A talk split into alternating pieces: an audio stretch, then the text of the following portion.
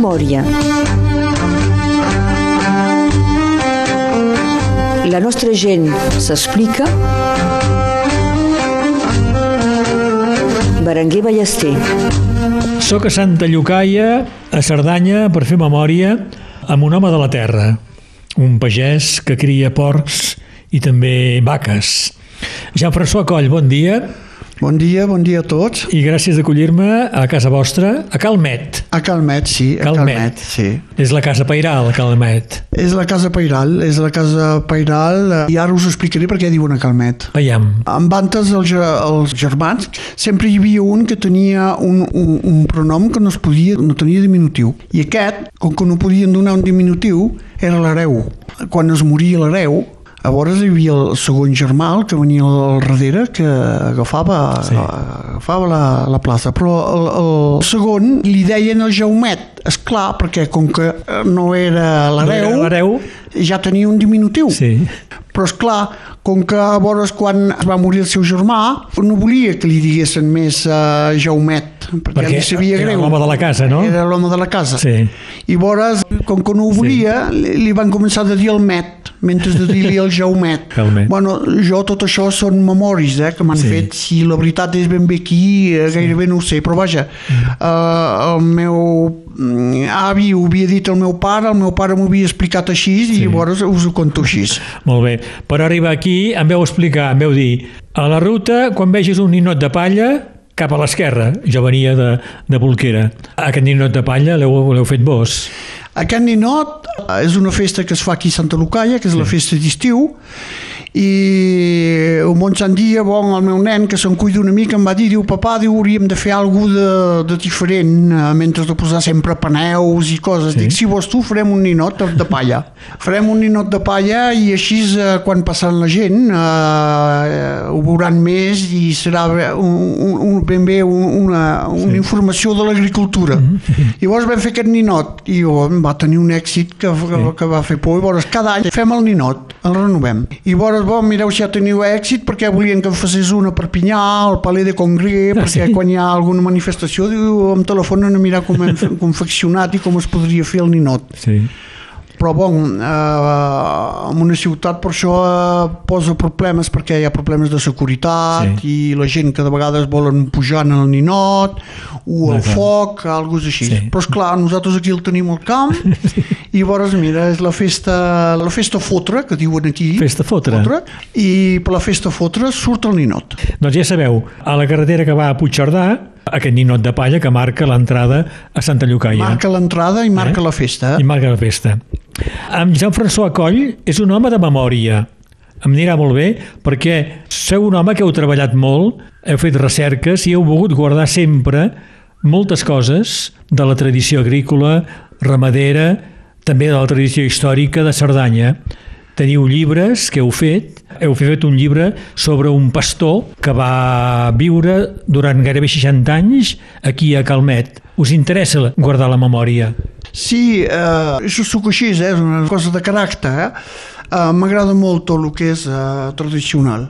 Sí. Uh, una mica per què? Perquè um, el viure d'aquesta gent d'antes em deixa una mica de nostalgia a mi. La veritat, us diré, m'agradaria molt haver viscut una mica més aquest temps, el temps que han viscut el meu pare, els meus avis.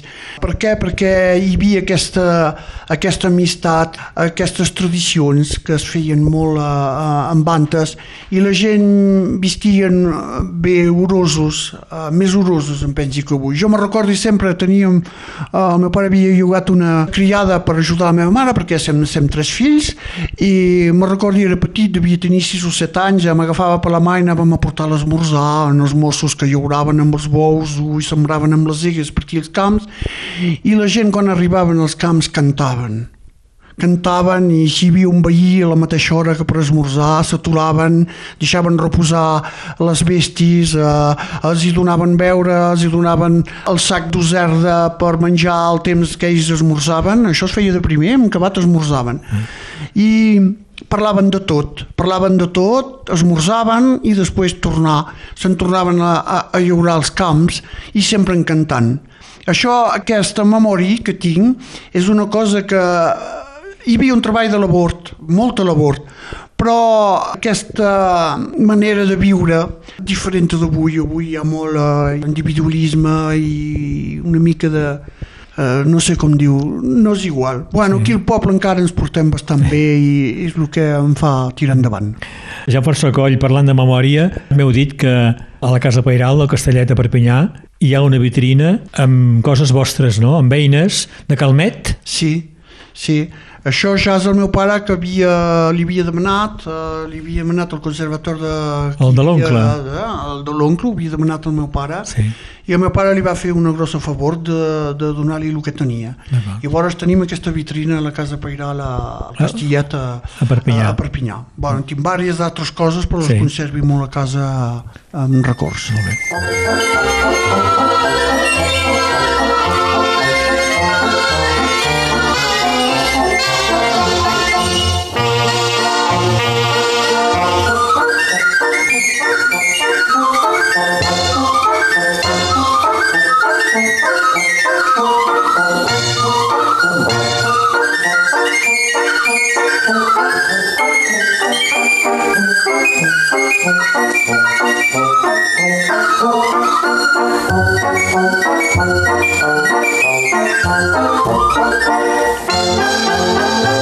Avui faig memòria amb Jean-François Coll, sem a casa seu, aquí a Calmet, que és la casa pairal de la família Coll.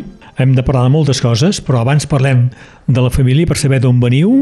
Els Coll, tant l'avi Coll com el pare Coll, de Santa Llucaia. Són de Santa Lucaia, sí. I vos també? I jo també, soc Eh? nascut aquí a la Casa Pairal. Per part de mare, hi ha una curiositat extraordinària. Les dues àvies, la mare del pare i la mare de la mare, del mateix poble, del mateix nom... A veure, expliqueu. Sí, és una coincidència, poder, però tinc les dos avis meves, que tots els dos eren originaris d'Aristot, eh? que és un poble, un petit poble que bueno, els de Cerdanya coneixen molt, aquí, antes d'arribar a la seu, i la meva àvia es deia Josefina Campi, d'Aristot, i la mare també, diguem, de la meva mare, també es deia Josefina, també es deia Campi i també d'Aristot. I llavors diuen que eren nascudes el mateix any i que no tenien res a veure de família. Això em penso que queda comprovar.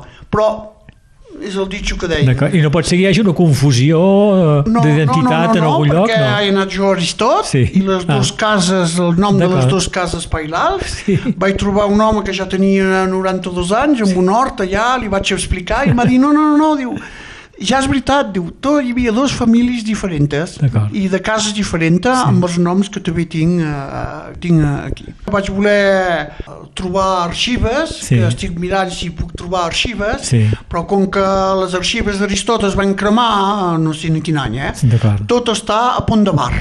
Pont de Bar, que és el poble que és uh, una mica més gros, Sí. a tocar de la, de la carretera que va cap, cap, que va cap a la seu. Hem parlat del vostre pare i el vostre padrí, de Santa Llucaia, hem parlat de, de les dues àvies, d'Aristot les dues, el padrí matern, el pare de la vostra mare, era pas català. No era pas català, era, era del Gers i uh, treballava als camí de ferros. Sé que es van conèixer a Perpinyà. I la vostra mare va néixer a Perpinyà. La meva mare va néixer a Perpinyà, a l'ave- a l'avenue de l'Avenir, Sí. a, a, a tocar de l'avenue de la Gara a Perpinyà. Molt bé. Jean-François Coll, doncs, vos naixiu a Santa Llucaia, a casa, el 1952. Sí. Aneu a escola a Santa Llucaia. Sí, uh, tinc molts bons records, eren pocs, érem 10 o 12, eh? perquè anava, anava, anava voltant, i llavors, mira, els petits a davant i els grossos a darrere, vaig també acabar amb els grossos a darrere. I tinc molts bons records també dels professors que vam tenir, a l'hivern Sí? sí? ens guardaven, al migdia havíem de, de fer gairebé un quilòmetre per pujar a casa i quan feia massa mal temps i bé, ens guardaven a, a la- a l'estudi, era la, la madama Cristofol, n'hi ha que l'han conegut molt, Sí. eh, i llavors, eh, com que feia tant de fred, ens guardaven, ens telefonaven, i mira, no us preocupeu, us guardem, i llavors eh, dinàvem allà tots eh, els, que, els que érem, i a la nit, si feia massa mal temps, el meu pare eh, em baixava, ens baixava a buscar. Un mainatge com vos d'un mas agrícola i ramader vol dir que hi ha de, de mainatge podíeu ajudar la família a treballant? Pues que Teniu sí. coses a fer? És clar que sí, llavors cada, a cada edat tenies quelcom, uh, quel, quel, quelcom Sí. per fer. Al principi, eh, bueno, uh, anaves amb la mare a l'hort i t'ensenyava a treure una mica l'herba de les cotatrufes que hi havia, Sí. i llavors eh, ajudaves una mica. Després uh, t'ensenyaven d'anar a donar menjar als gepins, empresa una mica més gran uh, t'ensenyaven d'anar a donar menjar als porcs, uh, i després anar fent, anar fent, després va ser les vaques i després uh, en acabat a l'estiu eh, vam començar eh, jo eh, he conegut la generació de les egues i els bous m'he molt poc, eh, jo no els he pogut tocar perquè és clar era massa jove però empresa he conegut ja la primera, els primers tractors que van arribar uns petits tractors de gasolina 9-10 cavalls Sí. ja, i anar fent fins al dia d'avui D'acord. Heu parlat de les vaques, calia guardar les vaques. Al principi havies d'anar a acompanyar les vaques, a la nit eh, havies de ser allà per tornar-les a tornar cap a casa perquè de vegades hi havia, hi havia sembrats i era al llarg Sí. d'un torrent i el pare tenia menester de nosaltres mm. i en pres més grossos els anàvem, els anàvem també a guardar. Ja. Després va venir la, les valles elèctrics sí. i d'allò que ens, ens va adobar la vida a nosaltres i, i, i a tothom. Sí. A Joan François Coll, sempre heu volgut treballar prop de la terra i els animals? Sempre, sempre. Ha estat algo que m'ha que m'ha apassionat molt apassionat molt i diré, i ho he eh, escrit, que em pensi que és el pastor, eh, el pastor que hem tingut, que em va donar una mica aquesta fe, perquè eh, hi havia dies que me n'anava amb ell. Eh, La meva mare posava una mica més de menjar al serró i era petit, me n'anava amb ell i quan plovia em posava sota el seu gros paraigua. Sabeu aquells paraigues de Sí. pastor amb les branilles de fusta? amb el gos, tothom que havia allà sota i menjàvem al migdia, a migdies, hi havia una mica de pluja sota el paraigua i anàvem ensenyant eh, tot, tot, tota la Cerdanya que teníem enfrente, el que portava la terra i em pensi que és aquell, aquell fe em, ana- em, va, em, va arribar, em va arribar amb això, eh, portar els xais petits que havien nascuts a la nit, eh, un a la mà, l'altre al serró, Sí. eh, i arribar i tornar a donar a la mare i tot això, jo em penso que és això que et dona la fe de voler treballar amb el bestiar. Doncs amb el pastor que, que es deia Eduard. El pastor que es deia Eduard. Anàveu a guardar les ovelles. Anàvem a guardar les ovelles i vores a l'hivern. El meu pare tenia places eh, al costat, de, al costat cap avall, a tocar de Mart, i vores eh, el ramat se n'anava. Al principi va se'n a peu. Perquè no hi havia... Des d'aquí D'aquí fins a Mart? fins a, fins a l'Auda, uh, havíem anat fins a tocar Narbona i fins a Agda, hasta. Però vores hi anàvem amb el trinc, el trinc groc. Posàvem el ramat als vagons de marxandisa del trinc groc Sí. i eh, a Vilafranca canviàvem de trinc perquè era la, la Michelina fins a destinació i tornava a venir igual això va durar un quant temps jo era Sí. petit, al principi no volíem pas qui anés després més tard eh, la meva mare sempre deia al meu pare fes-te'n seguir el Jean-François fes-te'n seguir, mira que li agradaria molt de venir Sí. però quan ets petit volen que t'estiguis a casa Me portava el ramat a vendre, no, el ramat a pasturar a pasturar. per pasturar, per pasturar a l'hivern D'acord. perquè no hi havia prou terra, recollíem l'herba per les vaques i no hi havia prou terra per tot el ramat. Sí. Bueno, després, més tard, eh, vam fer una mica més d'herba i vam sí. guardar el ramat a casa.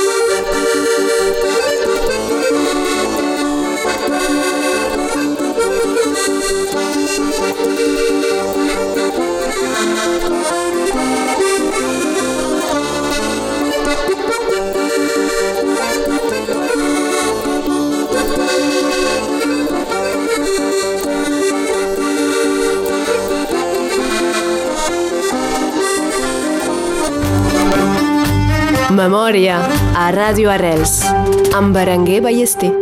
O Joan Farçó Coll, Escola Santa Llucaia, aneu a, al col·legi La Guingueta, Sí. estudieu agricultura a Ribes Altes. Estudi ai, estu i després vaig marxar a Ribes. M'agradava marxar, a Brumadama vaig passar el meu, el meu brevet com tothom, Sí. eh, i, però la meva, la meva idea era ja anar a l'escola d'agricultura Sí. a Ribes Altes. Us va servir aquesta escola d'agricultura? Aquesta escola vaig tenir un problema, teníem un problema aquí al departament, és que tot el que era ramaderia a Ribes Altes havíem de fer cursos a, a, a la nit. A Extres, part, no? Perquè Sí. era tot, a la vinya, Sí, la, la verdura, Sí. i l'arboricultura i tot això, i nosaltres, jo no era pas ben bé això, tot el que era gestió, tot el que era d'allò, tot anava bé, i llavors ens van fer cursos, ens van fer cursos també per ramaders, i llavors em, va anar molt bé. I si teniu una cola d'agricultura en el vostre departament, no podíeu anar en un altre departament Ah. que era molt més de ramaderia, que m'haguera agradat. No podíeu perquè els polítics no volien sí. que la, la gent del Sí. departament hagi un altre estudi i calia anar a l'estudi del departament eh, però vaja, tot es va passar bé Sí. tot es va passar bé, passar bé. I llavors vaig treballar un bon temps eh, amb el meu pare. El meu pare es va morir l'any l'any 80 i em va faltar molt. Em va faltar molt perquè jo tenia 27 anys em venia d'instal·lar havia fet a l'armada i que vaig patir molt a l'armada perquè hi vaig patir molt però hi vaig aprendre moltes coses moltes coses que s'haurien d'aprendre molt avui. Què voleu dir que veu patir molt a l'armada? vaig patir molt perquè era un regiment disciplinari i que era el 24è regiment d'infanteria aquí que era, que era tot a, a base de caminar a base de- d'entrenament comandó i tot això i bon, eh, jo tenia 20 anys i mig i ho trobes pelut, eh? Sí. Ho trobes pelut perquè no t'has vist res de res més. Uh, vaig veure morts uh, que no havia vist mai uh, i ens van aprendre el que era patir la gana, patir la set, tot això ens ho ensenyaven i això em va marcar molt, però em pensi que també em va servir molt. Jean-François Coll, tots els Coll, tant el padrí com el pare i com vos, naixiu a, a Santa Llucaia. El català eh, era present a Santa Llucaia? Sí, sí, el català jo l'he viscut sempre.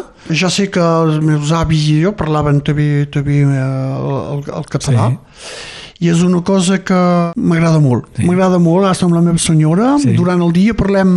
Ale, en una diada parlem mig diada francès i mig, i mig català. Depèn de I- quins temes, depèn de, qui, Depèn de tots els de, de, temes, de parleu. tots els temes, Ah, eh, de tots els temes, Sí, sí. eh, tots, tots. I voldria que la meva mainada també aprenguessin, aprenguessin bé el, el català. I que no barregessin amb l'espanyol. I per tant és una llengua que he estudiat al Sí. col·legi, que m'agrada molt. La cosa típica és de no barrejar la, la, Sí, sí. les dues llengües. Santa Llucaia és a prop de la frontera. Com es viu la frontera aquí, a Santa Llucaia?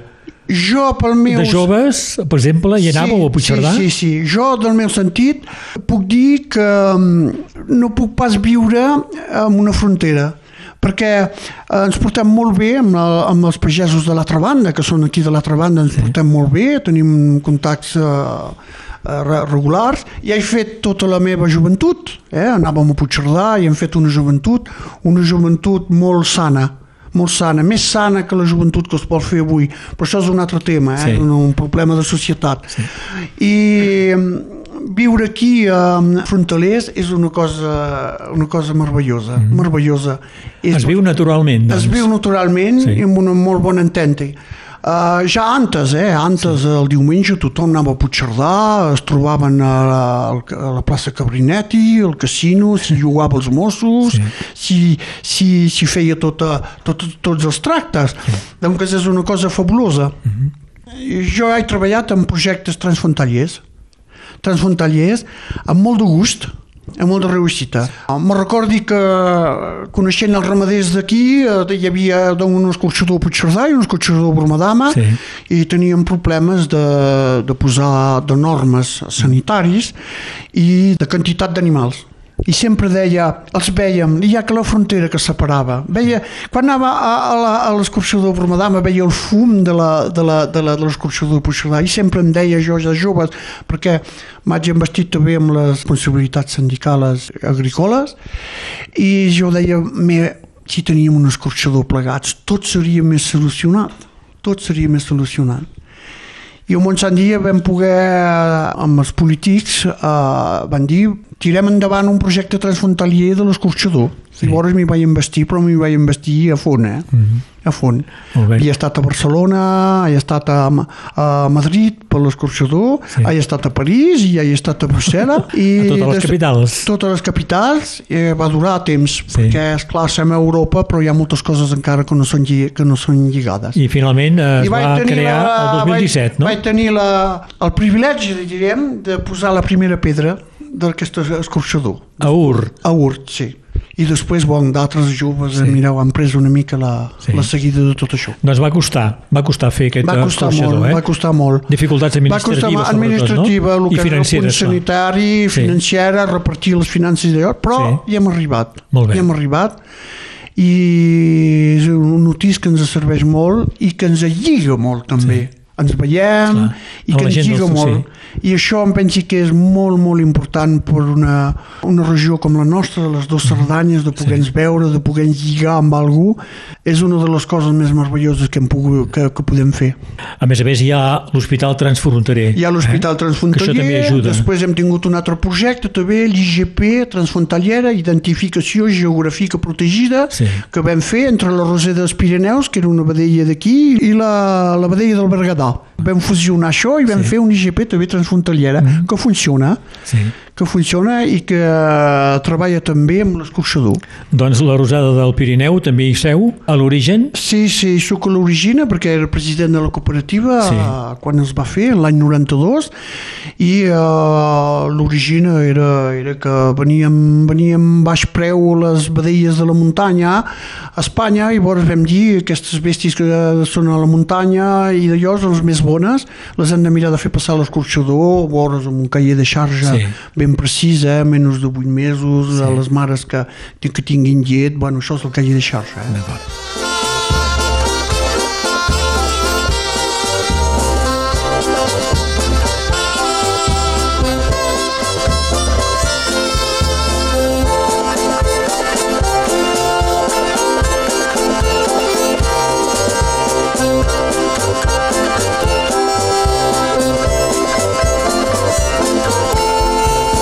Avui faig memòria amb Jean-François Coll, estem aquí a Santa Llucaia, a Cerdanya, a casa seva, a Calmet.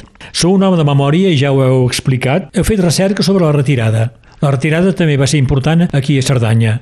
Heu recuperat el que el vostre pare us va explicar. Sí, uh, jo la retirada no l'he pas viscut, esclar, eh? Sí, sou del 52, Eh, vos. Naixent al 52 no pots pas viure, però és també, em pensi, una, una cosa que m'ha marcat molt, pensi que hi ha moltes famílies que n'han patit molt n'han patit molt i nosaltres com que teníem família el meu pare tenia dues germanes eh, al costat espanyol, a Bellver sempre s'ha parlat de la retirada jo era petit, a l'hivern a tocar del foc el meu pare explicava coses que l'havien molt tocat en tinc molts records perquè explicant això és una de les, de les vegades soles que he vist el meu pare plorar.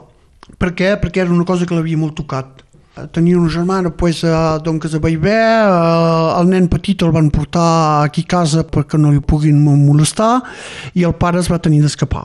I la mare llavors va fer saber al meu pare que, esclar, el, el Patrici, es deia Patrici, sí. es, havia, es havia escapat i no sabia on era. Mm -hmm. I llavors eh, el meu pare va dir, bon, el nen no et preocupis, és aquí.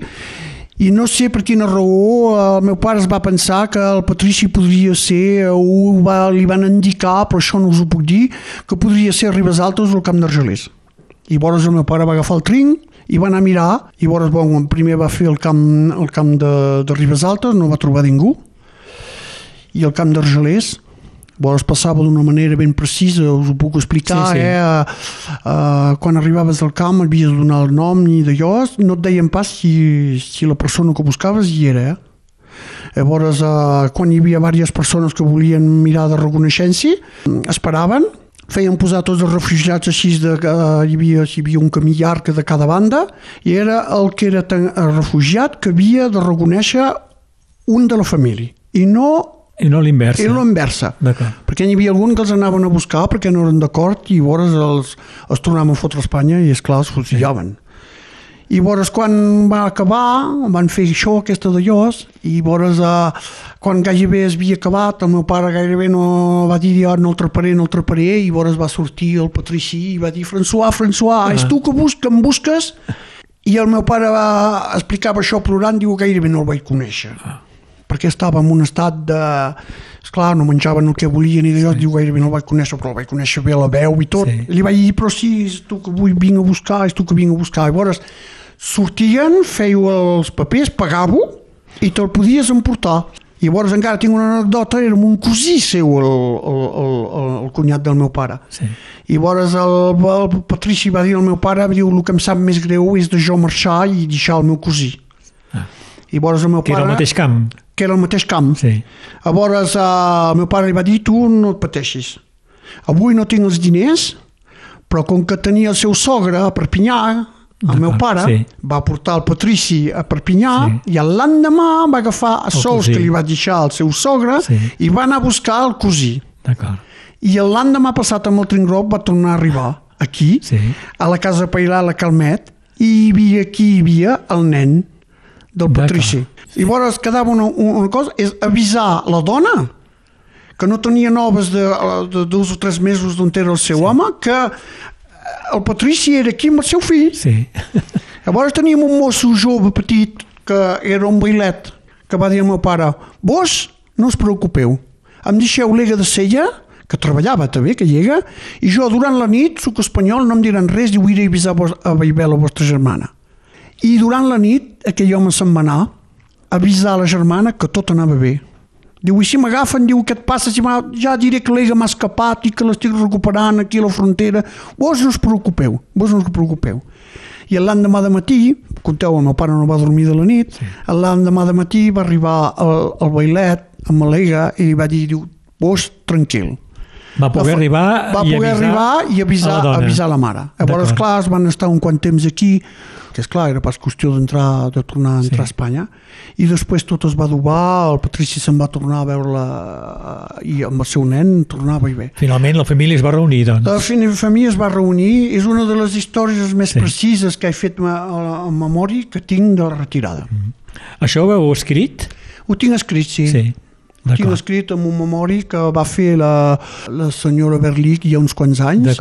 Vaig fer un memori i ella el va, el va redigir i el tinc escrit uh, damunt d'aquest llibre.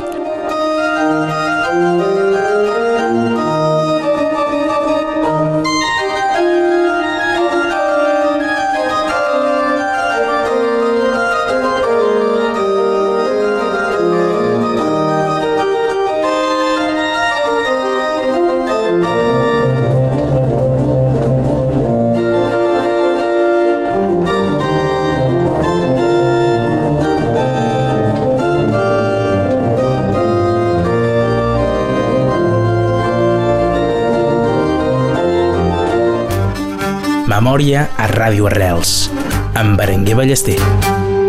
Avui faig memòria amb Jean-François Coll. Ja sabem moltes coses, però encara n'hem de saber moltes altres. Sobretot vull parlar de porcs. Sí. El porc ha estat un element important, no? A les famílies rurals hi ha una tradició Sí. important lligada amb el porc, la Sí, matança, sí. la xarcuteria... Tot això s'havia perdut a Cerdanya? No puc dir que s'havia perdut.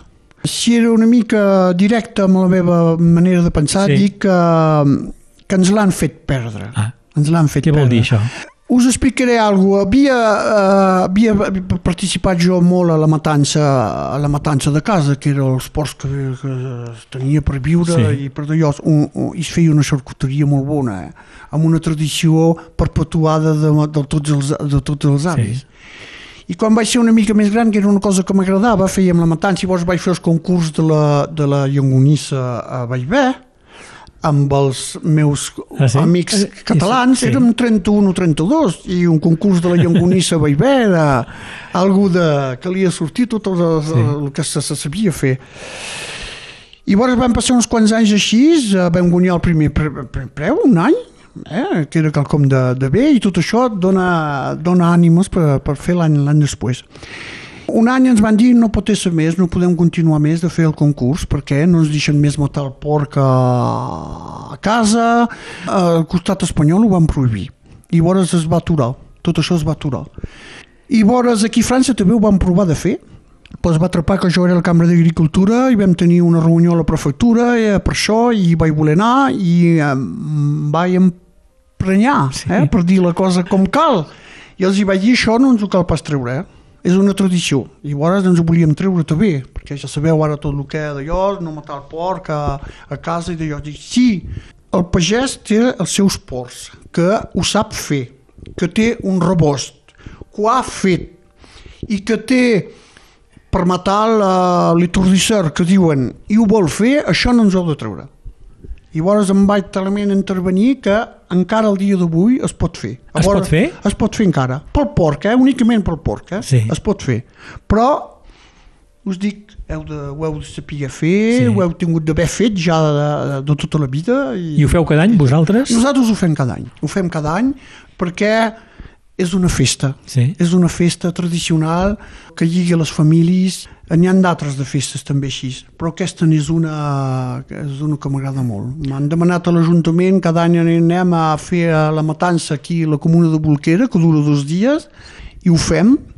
Bueno, aquí els fem matar l'escorxador, bueno, també ens, ens va més bé, eh? Sí. i després no, no volem pas tampoc... Eh... Però es passa molt bé. I el 2005 la cooperativa catalana dels ramaders comença a comercialitzar el porc amb la marca Tirabuixó. Sí, Comença el Sí. famós Tirabuixó. Sí. Seu també a l'origen Sí. del Tirabuixó. Bon, uh, és veritat, sou a l'origina, no podeu pas ser... Uh, uh, us ho explicaré. Sí. Un dia vaig pensar aquest saber fer de la matança no serveix res que tu em portis al cementiri. Ho has de mirar de perpetuar i, i, i, mirar de, de fer saber amb d'altres. I llavors vaig dir, seria també... Caldria que facéssim un porc, com se feia antes de pagès, i fer aprofitar el que vulgui. Ah, en començant pels restaurants. Els restaurants d'aquí, de Cerdanya, eh, bueno, ara s'ha fet més enllà, perquè ha estat un gros èxit amb els restaurants de Perpinyà, vaig dir, però aquest porc, que es feia tan bo i que se sabia manejar tan bé amb xarcuteria i d'allò, hauríem de, de, de perpetuar i de fer tastar tota la gent que ho vulguin. I llavors dir, hem de mirar de, d'allò, llavors vam treballar de bord el que és l'alimentació, vaig voler alimentació 100% vegetal, 100% vegetal. Vam treure tot el que era el blat de moro, hem tret el que era la soja, que ara és reputat OGM, ho vam fer com feien en bantes. En bantes els redemés han de matar el porc, els donaven pesos. Molts ramaders aquí, sí? El meu cosí que, que ho ha fet tot aquí de la vida, us ho podria, podria ser testimoni que els hi donaven pesos per fer venir el greix blanc, ben blanc, perquè els agradaven aquelles rostes, i en bandes eh, era la rosta que feien amb el trinxat i la ceba i per l'esmorzar. Sí, sí. pues, els hi donàvem pesos, vaig dir, hem de donar pesos. Hem de donar pesos en cada... I ara tenim una alimentació 100% vegetal, amb 20% de pesos, que ens dona tota aquella, aquella, aquella bona carn. Mm -hmm. I llavors he trobat a l'escorxador algú que anava bé del gust, de la color i del greix. Llavors, sem pagats en funció d'això. D'acord. Donc els de l'escorxador són a part quan arriben, són morts a part i són en, en els frigors a part. I aquest porc, el dia d'avui, el comercialitzem a través dels etablissements Guaixa Perpinyà, perquè nosaltres no transformem pas, doncs hem convingut amb ells, amb els clients que tenen ells restaurant i treballem en propers amb 28 restaurants del departament. Quan tot això va ser acabat, vaig depositar la, la fórmula, que, La marca, la eh? marca de l'alimentació, i després vaig dir hem de trobar un nom en ah. aquest porc. Ah. Llavors vaig dir porc d'aquí, porc d'allà, eh, coixon de sací, coixon de salà, no m'agrada. No m'agrada. Vull trobar un nom català en aquest porc per demarcar-lo de tot, del port de la Bretanya, o del port de, de, de, industrial d'Espanya, que venen també a França, dic, hem de trobar alguna cosa. I llavors vaig dir, bon, uh, el tiratap, com diu la cua. Bueno, Perquè la cua té una forma de tiratap, sí. sí. Vaig dir, serà, serà això que, que farem. Però com que volia que tothom produï d'aquest porc amb aquesta fórmula, n'hi ha algú, alguns d'aquí que són eh, els, els cantons limitrofes de l'Audi dels Pirineus Orientals, que eren una mica més aviat tiraven a l'Occitania, ens va dir, nosaltres, si tens un nom català d'allò, no ens convé pas, no, no d'allò. I llavors em va venir l'idea de fer de partir el nom en dos. Tirar català i butxo, tap, amb occitan. Tira-ho això. Tira. Ja. Però llavors vaig dir, el problema que tindrem és que és un nom que no sona gaire. I per saber tirar butxo pot ser una marca de vi, una marca de, de, de del que vulgueu. Sí. No hi ha res que digui que és un porc. Això vam tenir molt treball a explicar-ho Ah. i dir El dia d'avui està actat, eh? Està actat i no hi ha problema i té, i té molt èxit. La, la marca Molt- és coneixida, molt, molt eh? èxit. Sí. I vores, uh, dos anys després, la meva regió uh, s'ha dit uh, Occitaní. Sí. Occitaní. I vores, la presidenta de la regió, un dia que vaig trepar, que va voler venir aquí a casa perquè eh, estava fent una volta dels, dels produïts de qualitat, com diuen aquí en, en francès, em va dir, m'estranya molt per un català que heu fet un nom així, meitat català i meitat, eh, meitat, meitat occitan. I li vaig dir, és per això que, que, em- que em diuen el mig català, però que, que tothom sàpiga que soc català, eh? que D'acord. ben, ben català. Eh? I llavors la meva resposta li va dir, vous savez, madame la presidenta, d'abord soc european, després soc francès, després soc català i per sobretot soc sardà. Però hi parlaré sempre el català, però res no m'empreva de ser en una regió que es diu Occitaní, el que vull és que sigui una bona regió i que ens porti alt a tothom, a tots. Aquest porc, el tirabuixó, viu a l'aire lliure? No, dir, el tirabutxo pot viure a l'aire lliure, però és un porc amb palla. en palla. Porc amb palla.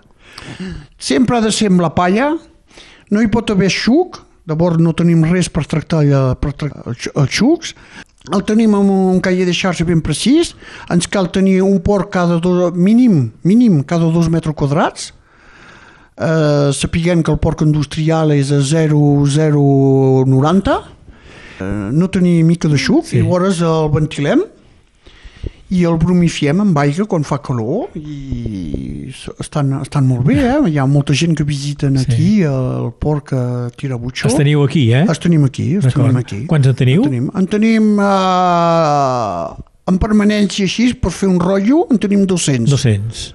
Però arribem a vendre 1.800 porcs a l'any, amb rotllo.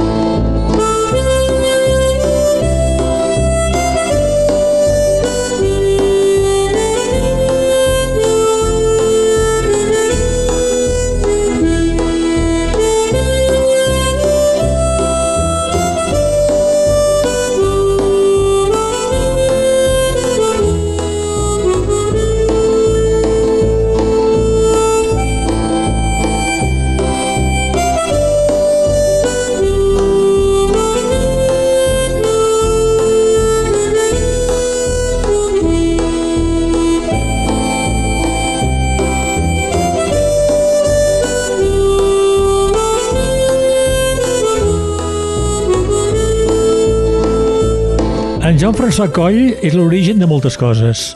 Ja hem vist algunes coses, com per exemple l'escorxador transfronterer a Ur, el tirabuixó, la vedella rosada del Pirineu. Veu participar a la creació del Museu de Cerdanya a Cal Mateu, també a Santa Llocaia. Sí, I heu participat a l'origen Sí. també, sí. amb en Pere Campmajor. Sí, amb el Pere Can Major. Diguéssim que l'origine era una casa de pagès que es va vendre i vam decidir amb l'alcalde i el Consell Muni- Municipal, eh, amb els que eren eh, també eh, antes, antes de jo, eh, el meu cosí, el Jacques Escoi, eh, l'alcalde, el senyor Arist, també són, eh, són a l'origine de la compra eh, d'aquesta propietat. Vam amb ells i la madama de Montellà, eh, que és també aquí a Santa Lucalla, eh, va participar molt. Vam voler fer un remembrament també de les terres de, de Cal Mateu. L'Ajuntament va guardar tot el que era la, la casa, que era una molt, molt vella casa, i va guardar alguna terra de pròxim i després vam fer un remembrament de totes les terres. Uh -huh. I vam decidir de fer un museu.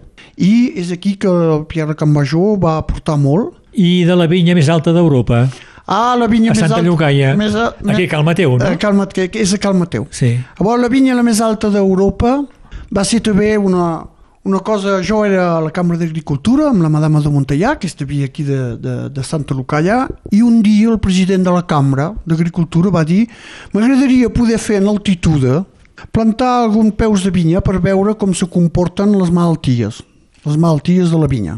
I hauríem de trobar alguna per allà dalt.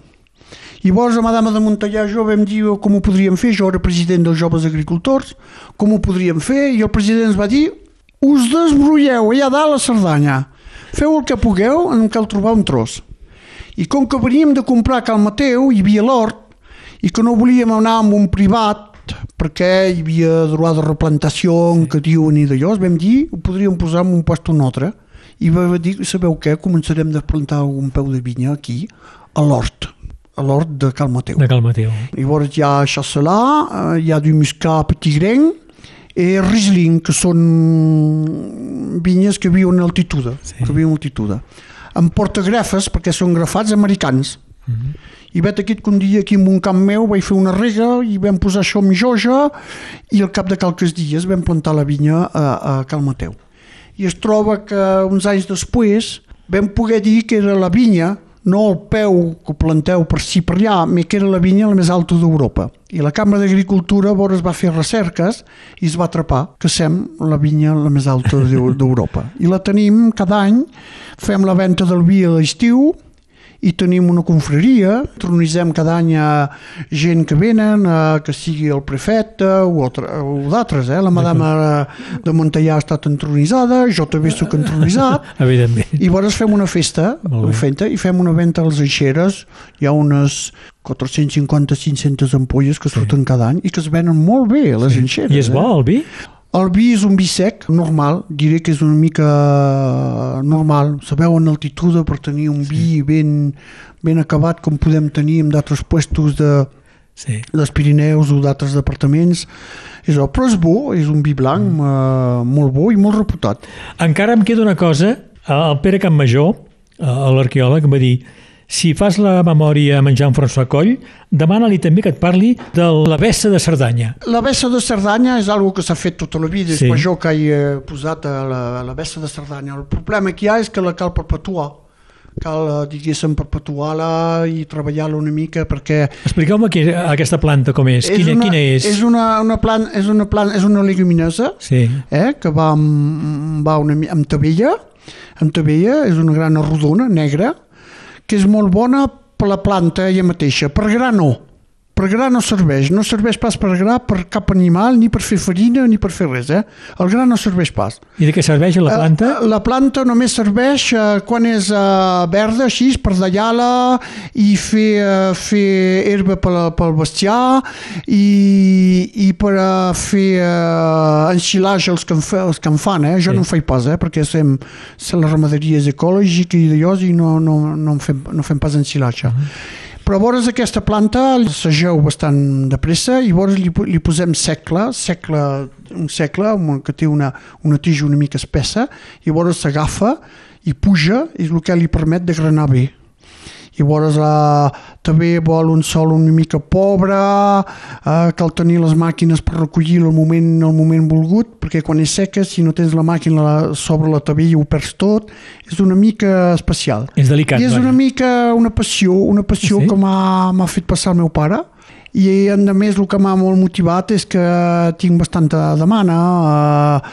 a forneixi bessa perquè em fan, si l'enterreu fa un engri verd de primera a darrere us mato totes les herbes i d'allò i m'ha arribat de vendre bessa en els, en els floristes de grassa D'acord. De grassa a dintre de les serres sí. per poder fer eh, engriver i treure tota, totes les herbes, que també és un, és, és un privilegi. És un producte de Cerdanya que s'exporta. És un producte de Cerdanya que podem exportar, el que no se'n produeix molt perquè és bastant difícil eh, de, de recollir i de conèixer una mica tots els secrets. Els secrets, eh? Jo sí. faig venir... Els secrets jo no en tinc cap perquè no me'ls en vull pas portar, eh? Faig venir abelles per polinitzar-la, la posi a altitud que convé, en terra un xic pobre, tinc la màquina per fer la tradicional, és una mica complicat, però és una cosa que molt típica. Que us ve del vostre pare, també. Que em ve del dit, meu eh? pare, sí, em ve del meu pare. Per completar el retrat de Joan François Coll, diré que seu conseller municipal de Santa Llocaia oh, des del 83, m'heu dit. Vaig seguir, uh, vaig repassar el meu pare, el meu pare es va morir l'any 80 i el, les eleccions que Sí. van seguir, l'alcalde i els que eren al Consell em van demanar, em van demanar d'entrar, eh? vaig entrar eh, bastant jove, és el que em permet avui a 67 anys de tenir 36 o 37 anys de, de conseller No, municipal. sí. Una cosa que m'ha molt agradat, molt agradat perquè quan ets nascut en un poble i que t'agrada molt de, de ser eh, estàs bé amb la gent que hi són, eh, és molt agradable de defendre el teu poble i de poder participar a, a tot el que és les festes, tot el que és les construccions, tot el que eh, és eh, la pagesia. I jo em penso que no cal pas esperar que sigui qualcú d'un altre poble o altre que defengui els, els interessos. I de vegades ho dic, ho dic en català qui més que un que té el seu poble a la tripa el pot defendre més bé. Per cert que Jean-François Coll seu especialista en recollir dites tradicionals. Aquests Ah, refranys jo- tradicionals... Jo, jo sóc pas especialista, digués, diguem que m'agraden molt. Sí. M'agraden molt perquè m'han comprovat que és la veritat que tots aquests ditxos eh, venen ja dels nostres avis i dels avis encara poder més, més enrere i que són gent que sabien de, del que parlaven. Sí. Quan us dic que no et burlis del meu dol, que quan el meu serà bé i el teu serà nou, és una, una, una, una bona veritat. És veritat. Quan hi ha un que es burla del dol d'un altre, feu un media volta i li digueu això. Sí, I és una veritat. sí. És una veritat. pues, d'altres també, molts altres també. Quan diuen de porc i de senyor en cal venir de mena, Sí. ningú pot dir al revés. I aquells refranys agrícoles o ramaders eh, dels treballs de cada, de cada dia, n'hi ha, ha un munt també, no? Sí, també, també, n'hi ha molts. Rega torta, blat porta, és veritat. Bon, després diuen rega dreta se l'emporta per lo que és el treball acabat, Sí, però també et porta. sí. Eh, Una rega torta també et portarà blat, eh? Vull dir que d'allò, quan et diuen uh, per Sant Jordi fes l'ordi, que per Sant Marc és massa tard, mm, volent dir Sí. sí. cuita de fer l'ordi perquè arreu passarà el temps de, de fer-lo. Quan diuen el porc, eh, que sigui mascle o femella, mata'l de lluna vella. D'acord. Jo també miri bastant la lluna i és comprovat, no sé si és ben veritat, però és comprovat que si el mates de contra lluna pots tenir algun problema. Sí? Per què? Per què no? Eh, jo em pensi que no es diria si no fos veritat. Sí. Molt bé, Jean-François Coll, eh, en aquesta emissió hem posat músiques. M'heu dit músiques tradicionals, m'agrada molt el flabiol, Sí, m'agrada el Fabiol. l'orga de... L'orga. L'orga d'església us agrada també? Molt, molt. Sí. M'agrada molt. El- L'acordió també ho he dit? l'acordeon. Jean-François Coll, molt agraït d'haver-me acollit a casa vostra, aquí a Calmet, a Santa Llucaia, i d'haver fet aquesta memòria. Sou un home de memòria. Sou un home que us interessa guardar la memòria d'aquest país, d'aquest poble, d'aquesta família. Gràcies i bon dia. Bueno, gràcies i bon dia a tothom també.